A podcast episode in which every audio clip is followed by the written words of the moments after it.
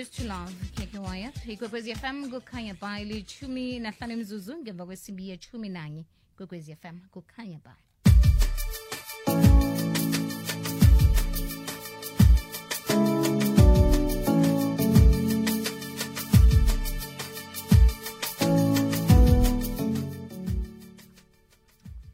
hi jabu. Hi zuzu. Kunjani sivukile singenza ngakini zuzu sivukile inyanga iphelile eh kufuneka imali kokhunye sesiyabaleka sithuthe ebusuku. Eyi ya into eziningi mani ya into eziningi zuzana yazi ukuthi eh itopic esiyiphethe namhlanje sizuzu i-ampol ikhambisana nesikhathi ne? Eh ngombana siyazi esikhathini esiningi uzwa bathi irente eh efledini elithileko nofana emzini othileko iyafuneka before in-seven zenyanga nayiphelako mara sekudepende zuzu ukuthi um i-lease agreement owayisayinako um nalo okucatshisele indlu leyo um ithini mara-ke ziningi ngendlela okhuluma ngayo izinto um kuyaphasi phezulu. Eh ndeke nasesikhuluma khulukhulu itopic lena siyiletha la khulukhulu namhlanje sikhulumisa amalungelo eh akhona lawo umuntu eh ocatshise umuntu lapho i-landlord amalungelo wakhe angangani. Zomunye umuntu eh angathi eh i-landlord ayisi-landlord ngaphandle kwe-tenant. Eh therefore kutsho ukuthi ekugcineni ugcina ukose owaqale amalungelo la ukuthi eh we-landlord angangani we-tenant angangani. Iyakhona uku-exista i-landlord kungana-tenant naw iyakhona uku-exita I mean uku-exista u-tenant kungana-landlord na anganayo eh indawo yokuhlala. Eh sekufana nombuzo loya zuzu othi yini eza kuqala iqanda nekhukhu na yo eh siyabona umbuzo loyo uba difficult. Omunye angathi ikhukhu ikhukhu eh ivela kuphi?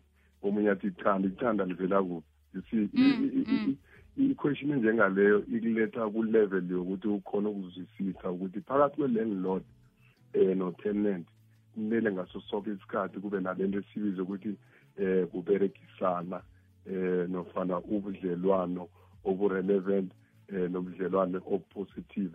Ngokuya ngama-obligations akhona namalungelo akhona ngaphakathi. Mara-ke namhlanje sikhulumisa khulukhulu lapha esithi amalungelo eh we-landlord angangani.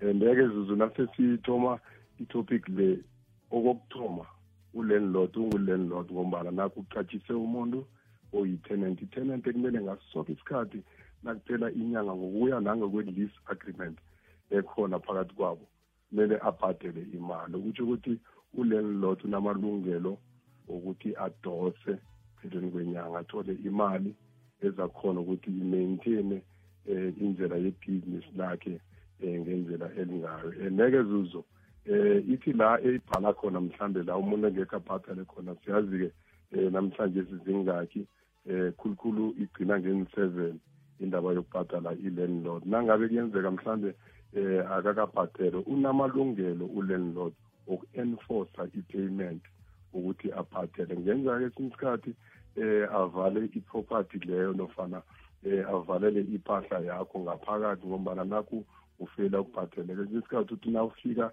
eh khona lapho ucatshe khona uthole inlodlelo sezitshentshiwe eh sekutshentshwe inkhiya esinye isikhathi uthola i-agreement ethi nangabe mhlambe kudlula amalanga athileko eh awukabhadeli i-rent uthola igezi mosingekho nofana kusishwe amanzi off. Ukuthi ukuthi awukafaki imali eh ye-rent ekumele uyibhadele ngaleso sikhathi. And-ke imali ye-rent zuzu eh ayifani nemali leya esiyibhadela khulukhulu nasithethe amasofa lapha kuma-furniture shop. Eh othatha amasofa namhlanje bese ukuhambe yokubhadela pheleni kwenyanga imali ye-rent ngaso sonke isikhathi iba in advance. Before ungena lapho eh endaweni ongena kiyo kulandlord unamalungelo okuthi athole imali yenyanga le ozayihlala from namhlanje. Athole ne-deposit ekumele uyikhiphe. I-deposit yakhona kaningi zuzu kuba yimali i-equal to imali oyibhadelako. Eh ye-rent zimali zonke ngaso sonke isikhathi ulandlord ekumele azicollecte eh lezo. Ngeke zuzu i-rent siyazi ukuthi eh iyakhuphuka unyaka nonyaka. Ulandlord unelungelo lokuthi eh ayikhuphule. Mara esikhathini esiningi akukafanele kube imali edlula i-10 percent lokhana ulandlord eh ayikhuphula ngaleso sikhathi. And nayikhuphuka esikhathini esiningi nayicala mos imali le ikhuphuka njalo uyibhadela ikhuphula eh nemali leya ye-deposit imali ye-deposit nangabe uyifakile lapho ocatshe khona imali ehleli lapha ezala ama-interest esikhathini esiningi. That's why na uza kubuya uthi uyaphuma erumini leli angekho usayithola kuyi-three thousand owayikhipha eh ngo-2020 ngenzeka uyithole seyiphezulu kunalokho. Ikhuphuka ngama-interest la i-rent ekhuphuka ngayo. Imali ehlalako ekata nofana eba yi-security for into enye nenye nofana i-damage enye nenye ekungenzeka eh ikhona lapho erumini elicatshileko nofana efletini olicatshileko zuzu Mhm. Jabu khe ngizwisise la. Nakho bathi i-rent 1500 i-room bese um nangizokungena mos batsho bafuna ne-deposit kutsho ukuthi i-deposit le izokuba yi-1500 nayo angitsho iba yi-one thousand five hundred. Kaningi kuba yi-fifty percent vele iba ikhamba ikhamba khulukhulu nemali yerente le okay. ozoyibhadela. That's why nazongena lapha nabathe irente yala Mm. eh i-one thousand five bese bazokufuna ne-deposit leya ye-one thousand five. Ukuthi ukuthi before uzongena bakunikela isilohlelo sokungena lapho erumini kumele kube yikhiphile i-three thousand. I-one thousand five hundred randa le oyikhiphe esi-deposit imali ozayithola lokhana ukhamba uphuma erumini mara-ke kuyokudependa ukuthi umotshakele ini lokho sowukhamba wena. I-security for ulandlord imali leyo ye-deposit. Ukuthi nangabe kenzeka eh umotshile endlini leyo uyakhona ukuthi mhlambe a-check-e ama-repairs azawenza um fletini leso be aminase imali leya lapha emalini oyikhipileko um ye-rent. Mara-ke nawuyicala kuhle kuhle eh ngokomthetho okhona eSouth Africa eh ulapha efletini imali leya owayikhipha i-deposit nangabe uhlele lapho uyi-five years ijugulukile angeke usayithola kwi-one thousand five uzoyibona i-scale sakhona sesiphezulunyana ukukhomba ukuthi imali ambore ngasuthi i-investiwe eh lapho ku-landlord mara-ke unamalungelo ngaso sonke isikhathi u-landlord ukuthi adose imali yama-repairs angawenza nangabe mhlambe umotshile erumini olicatshileko nofana efletini olicatshileko wo ngile engifuna ukuyizwisisa yokuthi nasikhupha i-deposit ibanjwe yi-landlord um nasiya i-1500 ngimnikele ngamnikela neye-rent kutsho ukuthi ngimnikele 3000 rands. Leya ye-deposit 3,000, yeah. i- i- iba iba nenzalo iba nama-interests. So la kumele ibe ngihlezi ne- nama-interest zuzu. Siyazi irente siyayiphathela unyaka um nonyaka ngonyaka nonyaka irente iyakhuphuka mara akumelanga ikhuphuke ngale kwe-ten percent. Okay. That's why nangabe wayikhiphi one thousand five le ngo-twenty twenty nofana eh ngo-twenty eighteen lokho sowuphuma eh emva kweminyaka mhlambe eyi-five or eyi-six Mm. angeke usayithola kuyi-one thousand five le. Ampori iba yi-investment nyana ekhona kakhulu iba ikhamba ikhamba nemali oyibhadelako ye-rent that's why sithi eh iba yi-fifty fifty eh nemali oyibhadelako ye-rent. Angekho wayithola eh kuseseyi-one thousand five imali leya emva kokuthi uhleli iminyaka mhlambe eyi-five lapho erumini ohlelekilo utsho ukuthi siya siyakwazi lokho emphakathini ngoba nakamaroom maningi vele sicatshile bese nasengithi mina ngiyakuhamba la. Um bese kufa- kufanele agijime umastandi ayokuboleka lapho khunye naye ukuthi anginikelele i-deposit. Ngiyithole i- injalo i-one thousand five hundred. Kokhunye ngiyithole ishoda athi ngibuye ngizoyidata zuzu unfortunately mm. eh kuma ubomastanda kubeka igama elihle khulu ukuthi umastandi ulandlord loyo mara-ke esikhathini esiningi ah, ucatsha iroom emva kwendlu. Iye. Eh, umastandi khulukhulu na ungenako akanayo i-lease agreement la iniyisayinako ekhuluma ngemthetho. Khulukhulu le besiyiphethe iveke ephelileko yama-bylaws into ezinjengalezo akufuneki umsindo akufuneki ini omunye umastandi masathi um hlinani nesituphu umuntu omunye nomunye ohlala eromini leli ahlala kilo ngapha emuva ningatshentshisana ngalithanyela ibala um nina nasiklina isituphu ama-rules lawo khulukhulu ebantwini abacatshisako esinabo emphakathini abanawo abanayo leyo sibiza ukuthi i-lease agreement. That's why eh lokhana nasowuphuma kuyenzeka uphume vele ne-seven hundred ranta owayikhuphako esideposit eminyakeni emihlanu edlulileko.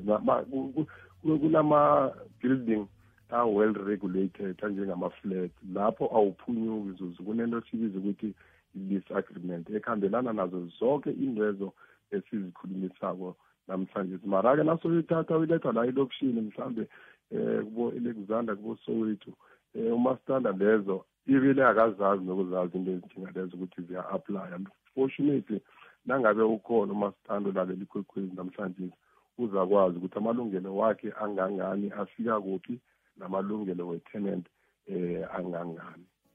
Mm bobabili banamalungelo. Ngathi sinombuzo lapha ke sizwe Locha Zuzu Zuzu ngiba ungibuzele lapho kubaba umkhwanazi ukuthi kuhle kuhle umuntu nangasamfuni kwerumini ngimkhipha umthetho uvuma ukuthi ngamnikela inothisi yesikhathi esingangani ukuthi aphume. Etendela kadlalane ngamandla likhuluma nolazarus makwenja thosa hmm. okay.